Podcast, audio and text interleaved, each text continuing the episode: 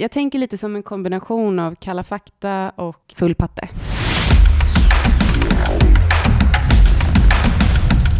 Boom! Välkommen till Pep Talk! Podden där vi möter coola kvinnor från reklam och PR-branschen.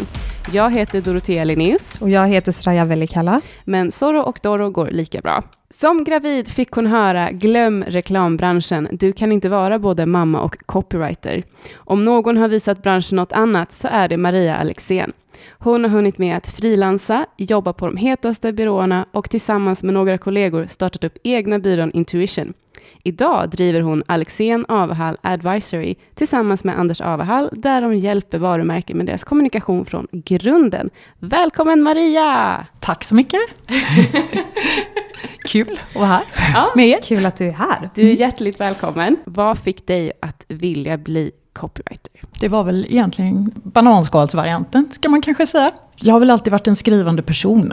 Och när jag var liten så tyckte väl alla, ja men ska du bli författare eller journalist eller något sånt Mm. där. Och då blev man ju att man måste alltid göra tvärtom då. Så jag började på konstskola och jag höll på med musik, jag höll på med film och ja men allting som var kreativt egentligen. Mm. Och sen hamnade jag in på reklambyrå och fick ja, börja känna på som ateljéslav typ. Började på Bergs och lite sånt där. Fortfarande då eh, kände jag att ja, men AD kunde ju vara kul. Mm. För skriva ska jag ju inte göra. Men sen så kom det i fatt mig. Jag gick också på IHM copyutbildningen där då. Mm. Som egentligen kanske inte var så kreativt. Men jag lärde mig hur affärsfolk pratar. Och det var ju Mm. nyttigt för då kunde man ju prata med dem på deras språk så att säga. Mm. Så det var väl den nyttan jag hade av det. Och I den vevan så fick vi testa på, jag hade väl kollat in Forsman och Bodenfors som var ganska nya då. Och hade väl precis fått sitt första guldägg för uh, ostkakereklamen, Frödinge ostkaka. Amerikabreven. Som kanske någon kan Ah. googla upp om man är intresserad. Ja. En fin kampanj. Och då eh, skrev jag faktiskt ett brev till Sven-Olof Bodenfors. För jag tänkte att ach, här skulle jag vilja jobba. Mm. Och då var jag ju hyfsat ung. Början på 90-talet. Eller typ väldigt ung. Och jag, ja, jag tänkte ju inte på det här att det var någon skillnad att jag var tjej eller något sånt där. Utan Mm. alltså jag kände väl att ja, men jag har väl samma möjligheter. Jag gör väl det jag vill. Så har jag alltid tänkt. Mm. Nej, men jag kontaktade honom och jag kom in där som juniorcopy. Och det Mm. var jättekul. Coolt. Det var väldigt bra för då kom man in på en kreativ byrå som från grunden var kreativ. Och, och för mig tror jag att det har betytt väldigt mycket egentligen. Att det är det det handlar om. Att lösa kommunikationsproblem med hjälp av kreativitet. Mm. Att alltid ha ett tydligt syfte. Veta vem man ska kommunicera med och sådär. Och vad man då kan göra om man tänker utanför den berömda boxen. Det var ju jättemycket duktiga och inspirerande människor som, som jobbade där och man fick vara med. Du fick vara med på hela processen och liksom från liksom själva uppdraget till slutprodukt eller? Ja men det var ju inte så stor byrå då så att allting det var öppet. ja. Så det var, var ju bara att, att vara med så att säga. Podcasten Peptalk är vårt examensarbete, alltså mitt och Doroteas examensarbete här på Yrgo i Göteborg. Och vi har ju en frågeställning som vi arbetar kring, som vi vill ändå ha lite svar på. Så vi tänkte höra med dig, liksom, hur är det att vara kvinna i branschen? Hur upplevde du branschen när du började och vad ser du för skillnader idag? Alltså insikter kommer ju först i efterhand. Om man ska låta Mm. lite Mm. sådär. När jag började jobba så tänkte jag att, ja men jag, vadå, jag tänkte väl inte på att jag var tjej. Jag kände ju, alltså jag bara Mm. körde min grej. Så. Mm. Men sen så stöter man ju på saker successivt. Som man kanske inte reagerar just på då när man är i det. Men som man börjar liksom fatta att allt hänger ihop. Och att det kanske också gör någonting med en. Mm. För att när jag började, det var ju grymt fin stämning och folk var superbra mot mig och så på Forsman då. Men jag mm, var ju ensam tjej som kreatör. Det var ju Mm. ingen annan tjej som var kreatör. Det var ju bara Mm. snubbar. Mm. Och det är ju en sak som jag kan tycka är jättekonstig. Att det, det här var ju början på 90-talet och nu är vi på 2018 och det är ju Mm. fortfarande, alltså det händer ju jättemycket och det som händer just nu är helt grymt. Men att det inte har hänt mer är ju jättekonstigt kan jag tycka. Det har gått upp för mig att jag har ju alltid varit i minoritet. Eller ofta. Jag har jobbat tillsammans med jättemycket kanonbra män, kreatörer. Men Mm, som sagt mm. väldigt ofta män då. Det är ju en viss skillnad på manlig och kvinnlig humor. Jag vet inte om någon har sett Grotesco, Ladies Night. När jag tittar på den så känns det som att det var som en käftsmäll egentligen faktiskt. För Ah. att eh, lite grann som man, man kan känna sig eller som man har känt sig många Mm, gånger, mm. när man just är i minoritet, att men jag tycker inte det här är roligt. Det är lite grann vems blick räknas, vem bestämmer om ett skämt är kul, vem bestämmer om en blick är cool, eller om någon är Mm. skön, eller om någon är töntig. Det är väl mycket självpåtagen coolhet i reklambranschen, vilket Mm. ju också är rätt så fånigt, för det handlar egentligen bara om människor och kommunikation, och att kommunicera budskap som människor berörs av. Så jag tänker att eh, branschen kanske sätter sig på lite så här höga hästar. Om man sitter och är liksom fem, sex pers och är ensam tjej och tycker att men det här är inget roligt skämt. Eller Mm. jag tycker inte det är okej att visa tjejer på det här sättet. Så är man fortfarande i minoritet. Så då blir man ju Mm. nerröstad. Det visar den här Grotesco-sketchen ganska. Eller sketch, det är ju fasen ingen sketch. Utan Det ligger väldigt nära verkligheten känns det ju som. det blir ju bara ett perspektiv, det manliga perspektivet. Och egentligen Mm. skulle jag vilja lyfta blicken lite grann. Att, alltså det, reklambranschen är ju bara en, alltså det är ju ett strukturellt problem. Att det i hela världen fortfarande, även om Sverige så kallat ett av världens jämställda länder, Mm. som inte är så jämställt som vi, som vi ser nu, liksom i kölvattnet av metoo och sista briefen. Och, Mm, Alltså det är ju ingen nyhet, alla vet ju att det är så här. mm. Men vi spelar ju med.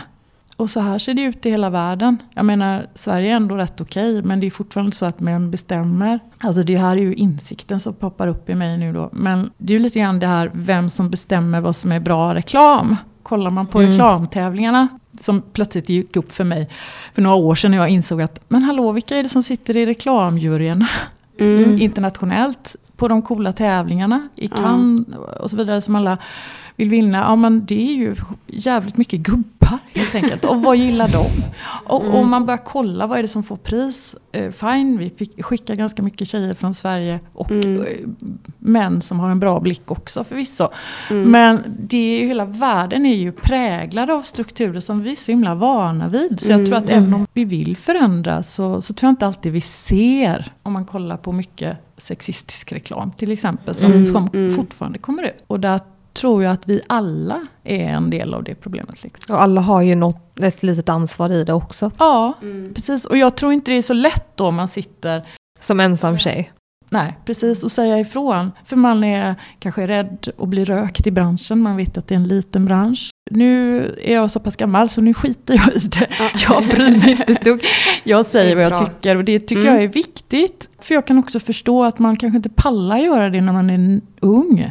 Eller vågar riktigt. Nej, exakt. Om det är ens första jobb eller någonting. Nej, Precis, ja. jag, jag skulle aldrig kunna svära på att jag skulle sagt ifrån om jag hamnar i en sån situation. Att eh, någon pratar över mig eller tar min idé eller vad som helst. Jag tänker mig att jag skulle vara en power lady och säga ifrån, men jag kan inte svära på det. Man vet ju inte hur situationen Nej men är. precis, och man vill ju inte, som vi pratade om förut, bränna broar. Man vill ju inte råka hamna i den situationen att man blir liksom svartlistad och inte får jobb och ses som besvärlig. Och det, det är också så här Mm. typisk kvinnlig grej, att man Mm. vill inte vara till besvär. Mm. Insane. Mm. Ja, och mycket av det är ju sånt som liksom vi får med oss. Jag menar, från att vi är små så tjejer ska liksom behaga och bejaka männen och vara till lags och vara gulliga och söta. Och en kille kommer undan med mycket mer. Jag Ja, menar, visst. vi präglas ju av det. Någonstans håller det ju på så. Mm. Men det som jag kan tycka är skrämmande då, det är att jag tycker att för lite har hänt. När ni frågar mig om det har blivit bättre så kan jag tycka att på vissa sätt generellt så tror jag att om man kollar på vissa saker som man liksom Ja, men just det där att man är en del av den tid man lever i. Så vissa saker som man tittar på då som verkligen hål i huvudet, om vi ser det med, med dagens ögon, så ska man säga att ja, men det här, alltså, statistiskt sett så kanske liksom män tar mer ansvar för föräldraledighet och så vidare. och så vidare. Massa sådana saker som har hänt. Men fortfarande är väldigt grundläggande saker som, där det har skett en väldigt liten förändring. Som till exempel att på beslutspositioner, vilka är det som har makten? Vilka är det som sätter normen? Vad är det som värderas? Liksom, vem har sista ordet? Det handlar ju om makt. Jag menar, hallå, män har haft det jävligt bra. De har ju fått lov att vara, alltså ärligt talat, kvinnor har ju passat upp och, och, och gullat med män i alla tider. Mm. Om man är kvinna så, så kan det också vara sådär att, ja, sluta racka ner på alla män och, och så alla män är inte dåliga. Nej, men samtidigt så är det ju så att eh, män har alltid haft ett, alltså män har ett försprång. Det kan man ju rent Mm. liksom, Ja, eh, visst. om man är någorlunda eh, tänkande person så kan man se att män har ett försprång. Mm. Kvinnor har automatiskt ett eh, underläge just på grund av Mm. att man är kvinna. Höjer rösten, slår näven i bordet eller kanske är lite smartare än en man någon gång och säger att du, jag håller inte med dig. Jag Mm. tycker att vi ska göra så här istället. Då blir jag en jobbig typ. Mm. Inte för alla, men så kan det vara. Ja, ja. Men jag tror också att kvinnor är precis lika medskyldiga i detta. Det är viktigt att man som kvinna stöttar varandra. Eller att, vi, Ja. stött, alltså att vi är människor allihopa. Och jag tycker någonstans att man krånglar till det. Och också mycket med, följer du det här feministiska spåret? Eller liksom, ja, ja, det, man ska etikettera allting och hit och dit. Men någonstans handlar ju feminism för mig handlar ju bara om att, alltså det behövs egentligen bara därför att vi lever i en värld där jag tycker att alla människor har självklart lika värde och förtjänar att bli bemötta med samma respekt. Liksom. Och det är oavsett vad du har för kön och om du är liksom, eller vad du har för kultur eller vad du har för politisk åskådning eller ja, vilket land du råkar vara född i eller om du är född på Östermalm eller om du är född i Säffle eller om du är född i Syrien. Så förtjänar du att bli bemött med samma respekt och så ser ju inte världen ut, tyvärr. I Göteborg så är det ju flera byråer som har gått samman för att starta ett samarbete kring just sista briefen och metoo Mm, som eh, och Avahall är med i. mm. Vill du berätta lite om det? Mm. Men jag tycker det är jättefint och det är ju då byråledare från eh, ja, de flesta stora byråer, stora och små byråer. Vi är ju väldigt små. Ja. Men som sagt, jag tycker det är jättebra att man samarbetar över byrågränserna och inte tänker på någon slags konkurrens eller så utan man ser att det här är ju någonting som alla tjänar på. För vi, alltså 50% ungefär av befolkningen är kvinnor, 50% är män. Och som det någonstans ser ut så är det ju väldigt mycket kreativ begåvning som går till spillo när, när, när kvinnor kanske väljer att lämna branschen för att de inte mår bra i branschen helt enkelt. Och det tror jag ärligt talat också är ett problem att många kreatörer, att fler kvinnliga kreatörer lämnar kanske när de har barn. Eller har fått barn genom åren, det har jag ju sett. Alltså man tar andra vägar för att man känner att man kanske inte, ja, man kanske inte tycker det är värt det. Men det här samarbetet som sagt går ut på att det här fortsätter då. Att jobba metodiskt liksom och hitta liksom gemen, ett gemensamt förhållningssätt för att liksom se till. Jag tror att det är ganska lätt att liksom egentligen upptäcka större problem när det gäller sexism och härskarbeteende och sånt där. De, de stora grejerna som, som verkligen det, det tror jag att man kan få syn på. Det tror jag också den här metoo och sista briefen-debatten verkligen har gjort mycket nytta för. Ja. Men jag tror att det här lilla är mycket svårare att, att få syn på. Där, och där tror jag att vi måste vara ihärdiga och jobbiga och fortsätta. Ja. Och det handlar mycket om det här att bryta tystnadskultur, skapa trygga arbetsplatser egentligen. Där, där människor är snälla mot varandra helt enkelt. Och där man Ja. inte då behöver vara rädd för att eh, säga om någon kanske beter sig på ett sätt som inte är okej. liksom. Och, och där är ju de här människorna, vi som träffas då i den här eh, Göteborgsgruppen, väldigt överens om att liksom, ja, nolltolerans när det gäller sexism och härskartekniker och att alla ska behandlas lika för att skapa bra arbetsplatser helt enkelt. Det känns så himla bra att det här samarbetet existerar. Att det, det tar verkligen ett, ett steg, eller flera steg i rätt riktning. Och att alla går samman och liksom har, jobbar mot samma mål. Precis, att man tänker, precis som du sa, man tänker bort konkurrens och man tänker bort vem som får vilket kontrakt eller inte, utan man bara, nu ska vi gå tillsammans och Mm. fixa det här. Ja, och tittar man långsiktigt på det så, så kommer ju alla vinna på det. För Mm. vi kommer ju skapa bättre reklam. Eh, för, för vilka målgrupper kommunicerar vi med? Ja, men det är ju alla människor. Jag tror ju också att eh, våra uppdragsgivare kommer ju såklart att vilja jobba med dem som är bra arbetsplatser. Så att då, på ett sätt så tror jag att de som inte lever upp till detta, de kommer spela bort sig själva någonstans. Eh, så jag tänker, men det är viktigt att gå först och vara en förebild på det man, man kan då. Vår förra gäst, Kajsa Arnoldsson, nämnde Sofia Gumelius. Sofia Gumelius föddes 1840 i Örebro och flyttade senare till Stockholm. 1877 startade hon Nya Annonsbyrån. Det var jävligt länge sedan. Hon hade en tydlig affärsidé där kunden kom med en vision som hon omvandlade till en annons och spred till tidningar runt om i landet. Och det tog inte lång tid innan byrån blev störst i Sverige och Sofia fick smeknamnet First Lady of the Press. Sofia blev känd för hennes sanningsenlighet i reklamer och hon undvek överdrifter. En av byråns tidiga grundstenar var utan att skapa förtroende får reklam inte avsedd effekt. Och det kan låta självklart för oss i branschen idag. Det är alltså Sofia Gumelius vi har att tacka för det. Samtidigt som Sofia byggde upp sitt företag var hon en av förkämparna i kvinnors rösträtt och tryckfrihetsfrågor. Sofia Gumelius liv finns återberättat i biografin Annonsdrottningen av Yvonne Windblad som vi vill tipsa om. Cool kvinna. Maria, har du någon som har inspirerat dig eller varit en mentor? Det är ju coolt med henne som en föregångare i reklamvärlden så. Mm. Men jag tror att jag har nog alltid kollat mer i reklambranschen så tror inte jag, ärligt talat, att jag har jättemånga kvinnor som jag har kunnat känna att jag identifierar mig med eller har, mm. har haft som förebilder så sett. Utan det är nog mer med, då, helt ärligt, bra med. Såna finns som också. till exempel Jan eh, Cederqvist som eh, skrivit en bok som heter Ord till salu.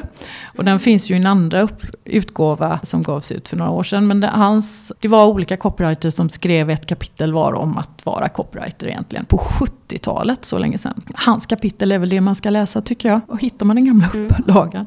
Men jag tror att hans kapitel finns med i den nya också. Eh, och det är inspirerande tycker jag. Han väldigt, var en väldigt klok man och jag hade förmånen att, att ha honom som mentor under senare år. Och var på en kurs hos honom i slutet på 90-talet. Det var första gången jag träffade honom. Han tänkte mycket större liksom, på kommunikation och vad egentligen copy att skriva för att beröra människor. Liksom. Orden är egentligen bara verktyg för att förmedla en tanke.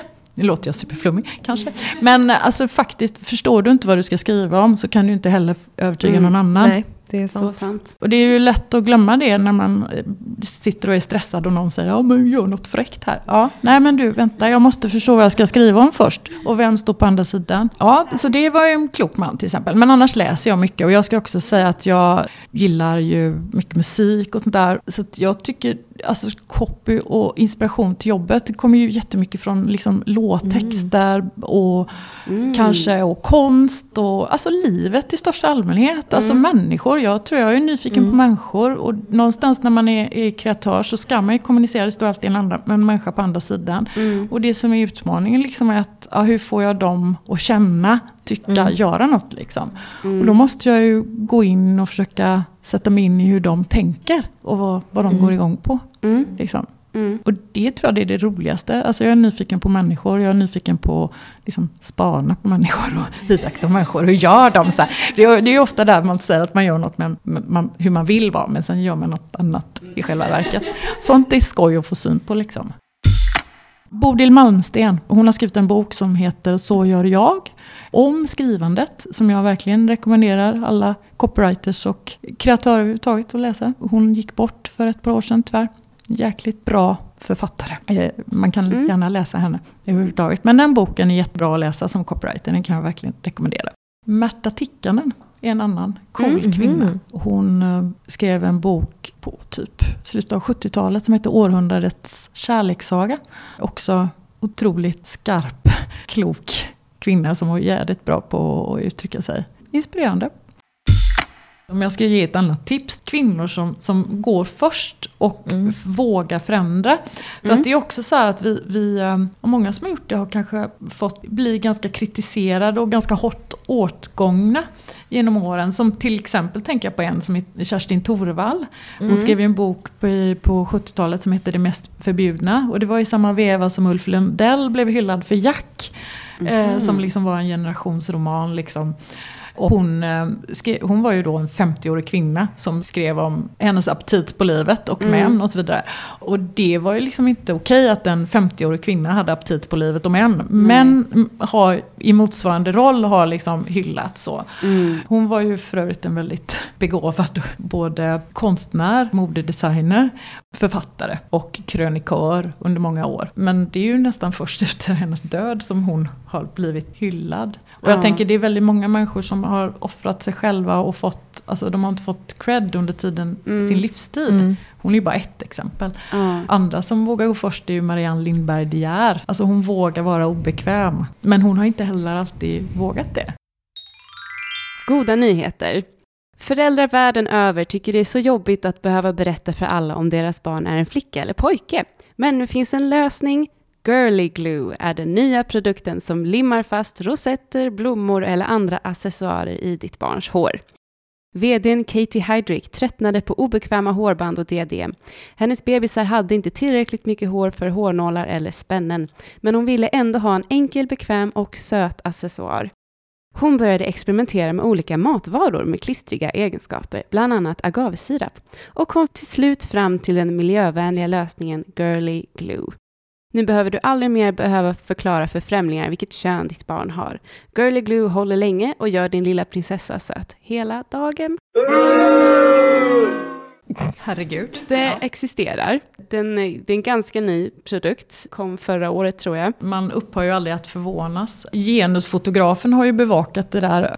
Han har eh, kollat upp sexistisk reklam genom åren. Till exempel American Apparel som Ja, ju faktiskt oh fick God. lägga ner. Mm. Mm. Det finns ju sajter, typ. De hade väl en kampanj där jag till och med tror att de körde runt med bilar där man raggade. Det var väl något för student... eh, Ja, det var ett eh, extra knäck för studenter. Ja, Man skulle vara en person för en sugar daddy eller en sugar mommy och därmed finnas tillgänglig och gå på dejter inom situationstecken här. Kanske göra annat också. Betald prostitution, typ. Precis, ja. Ja, under Tinder-flagg. Eskort heter det väl någonting. Ja. Väldigt illa förklädd prostitution, men ja, i princip det. Ja, och då hade ju Uppdrag granskning gjort ett väldigt obehagligt men viktigt reportage om det. Så Mm. det, det kan man ju gärna kolla in. Nej, och, alltså sånt här händer ju för hela tiden. Tyvärr. Så att, Tyvärr. eh, Men jag tänker så här, det som är bra är att vi pratar om det och att vi fortsätter prata om det. Det är, egentligen, det är- det är ju det vi kan göra och genom att vi pratar om det så pratar fler om det och så får vi syn på det och så sätter vi sig ifrån. För grejen är ju att vi har låtit det passera. Och det är enda anledningen till att det får fortsätta helt enkelt. Att man Mm. låtsas som det inte finns. Det finns ju mycket bakåtsträvande på marknaden idag, men börjar det inte vända lite? Nu har ju ordet blod börjat användas i mensskyddsreklamer till exempel. Ja. Har du någon favoritreklam eller produkt som hyllar kvinnor eller är normbrytande på något annat sätt? Nike har ju eh, Mm. gjort väldigt fin kampanj som de har tagit vidare nu. Som ju går liksom utifrån ett internationellt perspektiv egentligen med kvinnor i olika kulturer. Liksom, som, är, som är rätt så fina tycker jag. Samtidigt tycker jag, alltså det, det finns ju som typ Always gjorde ju för några år sedan med den här Run Like a Girl så att säga. Mm. Och den satte ändå fingret på någonting som, som var bra. Även om jag kanske inte sympatiserar med själva Always eller med, med, med företaget eller varumärket så kan jag ändå tycka att Oavsett om de gjorde det för sitt eget, eh, sin egen vinnings skull. Mm. Eh, Och jag kunde se igenom det. För det handlar ju någonstans med trovärdigheten. Känner jag att det här, alltså tror jag på det här varumärket? Alltså, eller är det bara yta? Men jag tycker ändå att de, ehm, att de satte fingret på någonting som var bra. Och så hade de ju ett stort genomslag. Just genom att de påvisades. För att det är ju någonting vi tutas in med från att vi är barn. Det här att, att göra något på ett manligt sätt. Det är det braiga sättet. Att göra någonting på ett kvinnligt sätt. Det är inte så bra. Och det där tycker jag också är en grej som man måste prata om mer tror jag. Och grotta in sig i. Om man ska vara tjej och kreatör så ska man gärna bli som killarna. Det har nästan känts så lite ibland. Man ska skratta åt killarnas grejer. För då får man vara med och leka lite grann. Spela på deras villkor lite. Exakt, och det är lite så jag kan i efterhand se att man kanske har fått vara då. Och idag skulle jag säga, nej jag hade nog slått näven i bordet och sagt, nej men jag tycker inte det här är kul. Eller jag skulle vilja göra så här istället och idag skulle jag nog mer våga det. Sen är det inte säkert att jag får igenom det om jag är en minoritet ändå. Men därför behövs det ju att vi har fler tjejer. Liksom. För jag menar, det är lite grann det här att varför ska det kvinnliga sättet att göra någonting vara det dåliga sättet? Det finns en jättebra tjej som heter Katrin Kelos. Sen gifte hon sig och heter nu Markaj. Hon är politisk reporter och har skrivit mycket i DN. Hon bor i England nu. Hon skriver i DN på lördagarna bland annat. Hon har skrivit en bok som heter Det enda könet. Ibland tror jag att folk lät bli att läsa den bara för den hade den titeln. Men det är en svinbra bok. Väldigt enkelt beskriver hon det här liksom samhället och bakgrunden Mm. till vår marknadsekonomi egentligen. Mm. Och den här strukturerna som patriarkal struktur bygger på. Och som Mm. faktiskt hela vårt samhälle vilar på. Den är kul att läsa och den är väldigt eh, bra. Och eh, den är utgiven på många språk nu, 12-13 språk säkert. Oj, Så wow. det, jag tror att den har liksom fått genomslag, även om den kanske kom to- 2012 eller någonting, så har den nått utanför Sverige. Mm. Och kanske fått mer uppmärksamhet där. Men den sätter liksom fingret på just det här att kvinnor har ju liksom hela tiden stått för hemarbetet. Och, och Mm. liksom lagat maten, tagit hand om mannen. Det handlar om att baka en helt ny kaka. Att inte fortsätta göra det på männens villkor, men just att det alltid har varit männen som har satt normer för vad som är Mm. viktigt. Mm. Och att kvinnorna har bara servat. Liksom. Och att Mm. det har då inte räknat in i det här vi kallar bruttonationalprodukt, BNP. Mm. Utan att eh, det som har producerat har varit det som männen har gjort. Det har varit det som har räknats. Men omvårdande tjänster och laga mat, ta hand om barn och hela den, se till att mannen får en måltid så han kan gå till jobbet. Eller liksom Mm. typ tvätta hans kläder och allt det där. Som var ganska jobbigt innan vi hade tvättmaskiner och el Mm. och sånt.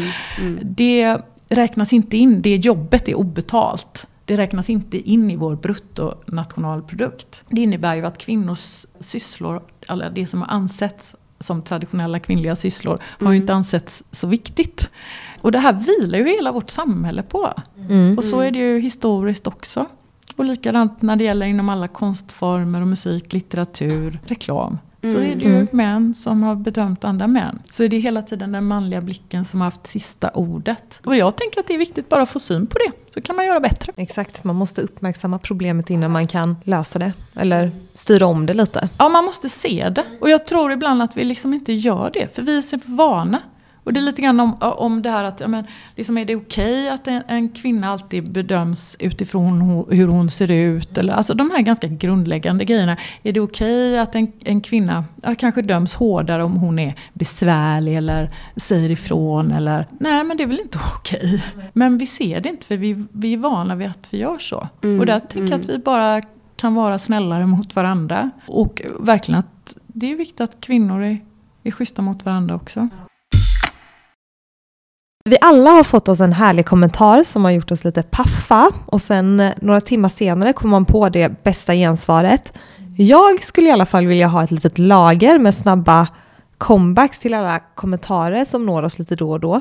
Har du någon riktigt bra comeback? Eller har du varit med i någon situation där du verkligen har gett en bra comeback? Det har väl hänt väldigt mycket. det har ju dykt upp en del kul ord som sätter fingret på saker som kanske har hänt en och annan gång. Eller ganska Mm. många till och med.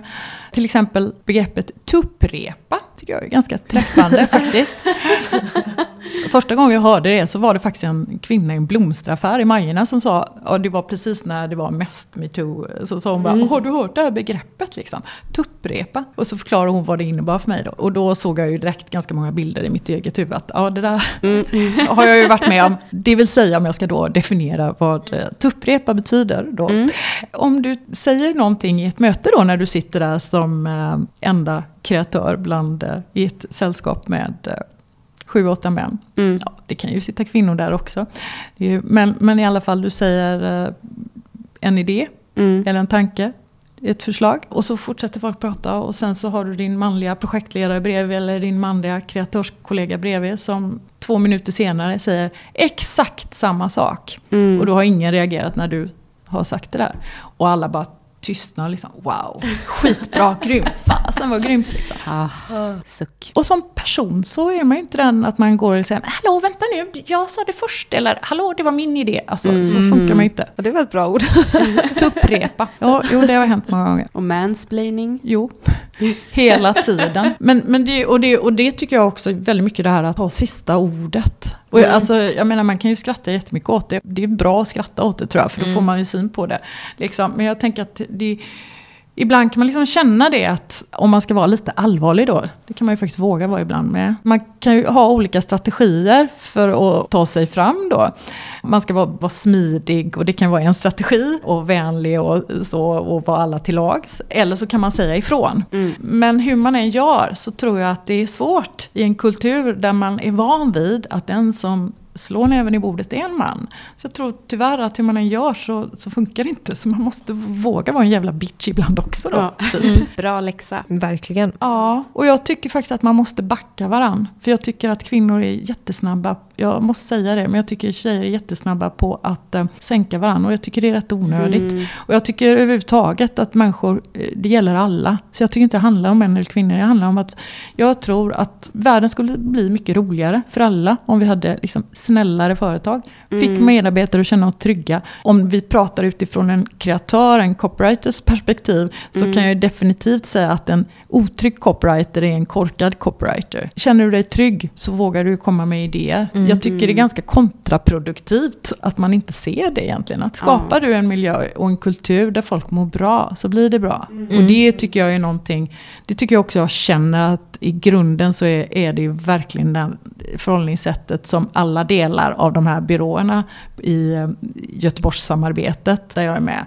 Och att man verkligen jobbar på det, att folk ska våga Mm. prata. Mm. Så. Och det finns också en medvetenhet om att där pratar vi väldigt öppet om att ja, men, de här problemen kan finnas. Vad händer om din chef är den som utövar makt på ett obra sätt Ja. mot dig? Alltså att det finns en beredskap. Vem ska du kunna ringa? Alltså att det, vi pratar väldigt mycket om det. Mm. Hur ska man Mm. göra? Hur ska man få reklambranschen att bli tryggare och bättre för alla? Liksom? Mm. Mm. Så att jag är, alltså jag tycker det är helt grymt det som händer just nu. Det kan bara bli bättre liksom. Och det kommer det bli. Mm. Har du något speciellt du ser fram emot nu 2018 och i en framtid längre bort? Ja, jag håller ju på med massa roliga saker. Ja. Så att, Mm. nej, jag tycker det är roligt att, att, att vara med i detta och att eh, Anders och jag, vi, vi håller på med massa roliga saker.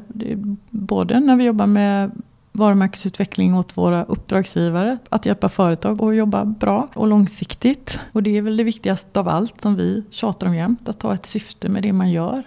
Att ta sig tid att reflektera innan man springer iväg. För jag tror visst, vi lever i en tid där saker, världen rör sig skitfort. Men då är jag övertygad om att om man tar sig tid att tänka efter varför man gör saker så kommer man verkligen kunna utnyttja alla de möjligheter som vi har för att liksom, nå det man vill. Och det tycker jag jobbar vi för i alla uppdrag som vi jobbar med. Sen ska jag väl också säga att jag tycker det är grymt att jobba med er. High five! Eh, jag tycker att det är så, och det vet jag talar med- för Anders här också, att Mm. eh, det är jätteinspirerande att undervisa. För jag lär mig varje dag så mycket av alla studenter. För alla lyssnare så måste vi berätta då att eh, Maria Alexén och Anders Avehall, de kommer ganska ofta till Yrgo och eh, ger oss roliga uppdrag och undervisar oss. Mhm. Och intressanta föreläsningar också. Mycket intressanta föreläsningar, mycket intressanta uppdrag och vi får alltid tänka till några extra varv innan vi kan eh, säga att vi är nöjda. Liksom. Så det är jättebra kursledare. Vi är mycket tacksamma över att de kommer till oss så ofta de kan. Men nu är det ju så att jag och Dorotea snart ska ut i den här branschen och eh, vi undrar lite, vilka egenskaper värderar du hos en eh, nybakad reklamare? Ja, men jag skulle ju säga, det, det här låter lite fjantigt kanske, en skön mix av rebelliskhet då. Mm. Eh, att våga utmana det Mm. förväntade. Mm. Det tror jag att det, det är en grundingrediens i en duktig Mm. kreatör. Att man Mm. måste alltid våga. Ja men jag vill göra så här istället. Jaha, men ingen har gjort så här förut. Ja men det kan man nog. Ja, men någon måste vara den första. Sen i kombination med det så behövs det en stor portion ödmjukhet. Och lyhördhet, förmåga att sätta sig in i andra människors perspektiv. Mm. Att inte bara gå utifrån sig själv. Och också att man är beredd att jobba väldigt, väldigt hårt. Och det innebär inte att jag säger att man ska, åh, man ska jobba på natten man ska jobba ihjäl sig. Det är inte så jag menar. Utan att man, Mm. är, man förstår att det ligger hårt arbete bakom. För det är Mm. mycket svårare att koka ner en idé Mm. än att skriva väldigt mycket. Så att det ligger väldigt mycket hårt arbete bakom det som ser väldigt enkelt ut. Och det tror Mm. jag är hemligheten egentligen. Mm. Och att vara beredd att kasta sig ut och liksom göra research och liksom pröva nya tankar. Lite ge upp, nyfikenheten och eh, ja. Vi har precis pratat med Maria Alexén och en självklar sak som hon nämnde som jag tror många andra inte tänker på är ju förstås att alla män är inte dumma. Nej, verkligen inte. Det känns som att det är många som tror att feminister hatar män och alla som har en snopp är onda på ett eller annat sätt. Och det, det är ju skittråkigt. Både du och jag är ju feminister Mm. och vi diggar män. Jag, jag blir helt perplex över att det är liksom över att det, det ska liksom vara så himla mycket hat och så himla mycket snack om hat och liksom folk typ slår ihjäl varandra av de här anledningarna. För ah, jag, jag tror att du hatar mig, därför slår jag ihjäl dig. Mm. Feminister som blir misshandlade för att av det enda skälet att de kallar sig själva för feminister och får liksom dödshot på Facebook och på mail och, och, och folk liksom lägger ut deras adresser och deras personnummer på Flashback och liksom helt galna grejer. Och av den anledningen att man bara, att de här ofta snubbarna, inte alltid, det finns säkert kvinnor som tänker så här också och icke-binära som också tänker så här, men det skulle förvåna mig. Att feminister hatar män och att de anser att alla män är hemska. Nej, alla män är inte onda. Och alla män har inte elaka intentioner. Men de har inte samma upplevelser Mm, som vi har haft. nej. Men de har inte samma upplevelser och samma glasögon på sig. Och de ser inte saker utifrån ett kvinnligt perspektiv Mm, på samma sätt för att de har inte varit med om de här upplevelserna. Nej. Men det som jag kan bli irriterad på är att om en man skulle vara helt ignorant mot hur kvinnor upplever en situation, Mm, att de inte tar hänsyn till deras känslor och hur de har upplevt sig bara för att det nej men så var det inte, för så kände inte majoriteten i rummet om det var en majoritet män i rummet. Att en man skulle förminska det en kvinna har upplevt mm, för att det är inte så han såg på saken. Det är någonting som jag är allergisk emot. mm. Det handlar om att han ska liksom försöka sätta på sig sina glasögon, eller ett Mm. par andra glasögon, och förstå hur kvinnan upplevde situationen. Och att de inte är det här, ah, nej, nej, bara för att jag inte upplevde det så, så är det inte så. Nej, du har inte rätt att känna så som du kände. Och det är det som jag kan bli frustrerad över är när män inte lyssnar på det som en kvinna har upplevt. Och jag tror att det är mycket där som hatet börjar. Och sen finns det jättemånga fina män som lyssnar och vill förstå. Men det kanske tar lite längre tid för att de inte har upplevt samma situationer som vi kvinnor har upplevt. Hashtaggen metoo har hjälpt till väldigt mycket på Verkligen. den punkten. Verkligen. Först var det liksom ganska tyst. Det, Mm. var, det var inte många som vågade uttala sig. Men efter kanske någon vecka eller så, när det liksom ändå kommit ganska många vittnesmål, då börjar killarna skriva. Oh ja. Då kom förståelsen. Jag har glömt vad den hashtaggen hette, men i alla fall, mina, mina manliga vänner på Facebook började skriva statusuppdateringar om hur oförstående de varit och hur de nu kunde se saker på ett nytt sätt. Exakt, och därför är det hur bra som helst att den här metoo-rörelsen och allt det här har startat för att det handlar om förståelse. Och det handlar om för män att förstå situationer som kvinnor har blivit utsatta för. Precis, för vi behöver både män och kvinnor för att bryta de Ja. här situationerna. För Verkligen. att bryta de här mönstren som har liksom fått frodas i hur många år som helst. Ja men exakt, att de får ett par nya glasögon på sig, man har putsat deras glas och att de förstår. Män är inte onda, män har bara inte haft samma upplevelser och det kan vara svårt att förstå upplevelser och kanske en känsla om man inte har upplevt den själv. Stort tack till Maria Alexén för att du kom. Vi vill också tacka Stendals för att vi får låna deras lokaler och utrustning. Stort tack till Christer Hedberg för att du är så himla bäst och hjälper oss när vi panikar. Tack till vår handledare Johan Rask för alla kloka ord och stort tack till Kristina Sandell, programansvarig på Yrgo i Göteborg, där vi alltså pluggar till copywriters på programmet Copywriters och AD. Tack så hemskt mycket till alla lyssnare för att ni har varit med oss. Musiken är skriven av Leia Minou. Tills nästa gång vi hörs, ha det fint!